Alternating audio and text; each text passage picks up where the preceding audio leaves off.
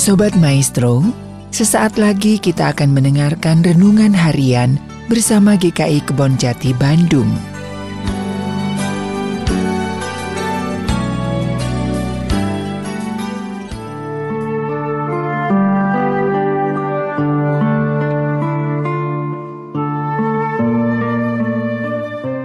Bapak Ibu Saudara yang dikasih Tuhan, saya Pendeta Daud dan kita bersama-sama dalam renungan harian dari GKI Kebon Jati. Saat ini saya memilih sebuah tema dalam renungan harian kali ini adalah dilupakan bukan dihakimi.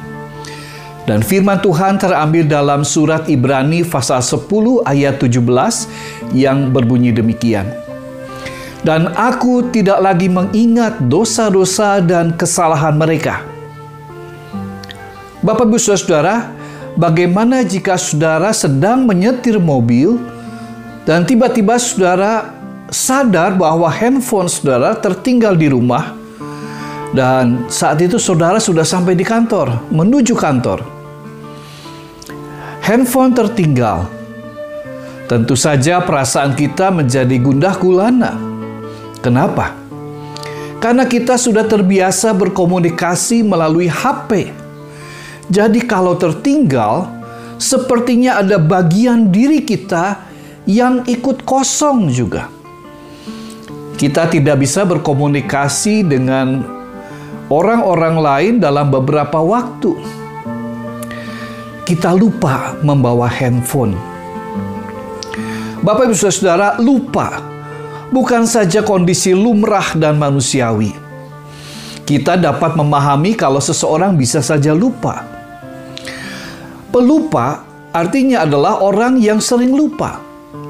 Entah karena bagian dari gejala demensia atau juga karena penggunaan obat-obat yang berdampak, orang menjadi lupa. Dan firman Tuhan yang terambil dari Ibrani 10 ayat 17 dan aku tidak lagi mengingat dosa-dosa dan kesalahan mereka. Firman Tuhan ini bukan mengajak kita untuk merendahkan atau memurahkan nilai pengampunan Tuhan akan kesalahan dan dosa kita.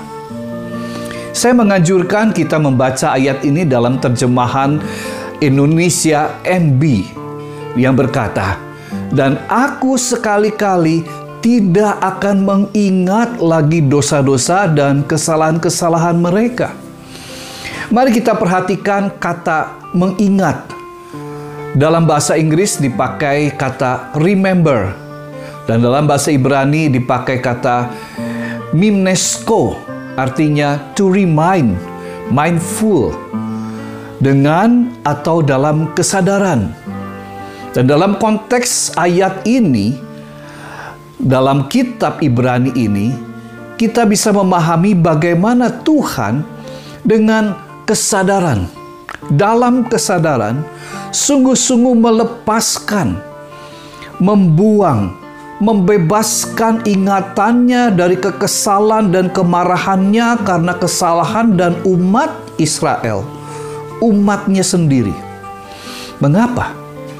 Karena kasihnya kepada kita, dia mencabut keluar. Dia membebaskan dirinya, ia menyangkali dirinya dari kemarahan dan kekecewaan karena kita berdosa dan bersalah kepadanya. Bapak Ibu Saudara, ini model pengampunan yang didorong atau dimotivasi oleh kasih besar Allah itu. Dan karena itu, Yesus Kristuslah penebus kita, penebus umatnya. Ia ingin umatnya berada dalam damai sejahteranya. Bukankah ketika hati kita dipenuhi oleh damai sejahtera Allah, kita dengan sukacita dapat melakukan kehidupan ini?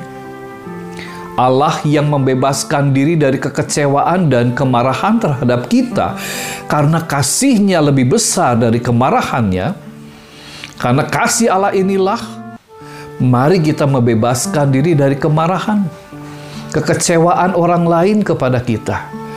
Karena kekecewaan dan kemarahan tidak mengerjakan keselamatan. Sebaliknya, sangkalilah, Salibkanlah kekecewaan dan amarah kita bersama dan dalam salib Kristus. Selamat lahir baru. Tuhan Yesus memberkati.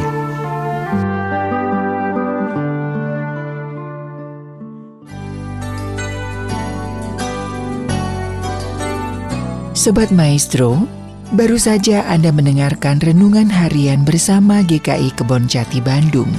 Tuhan Yesus memberkati.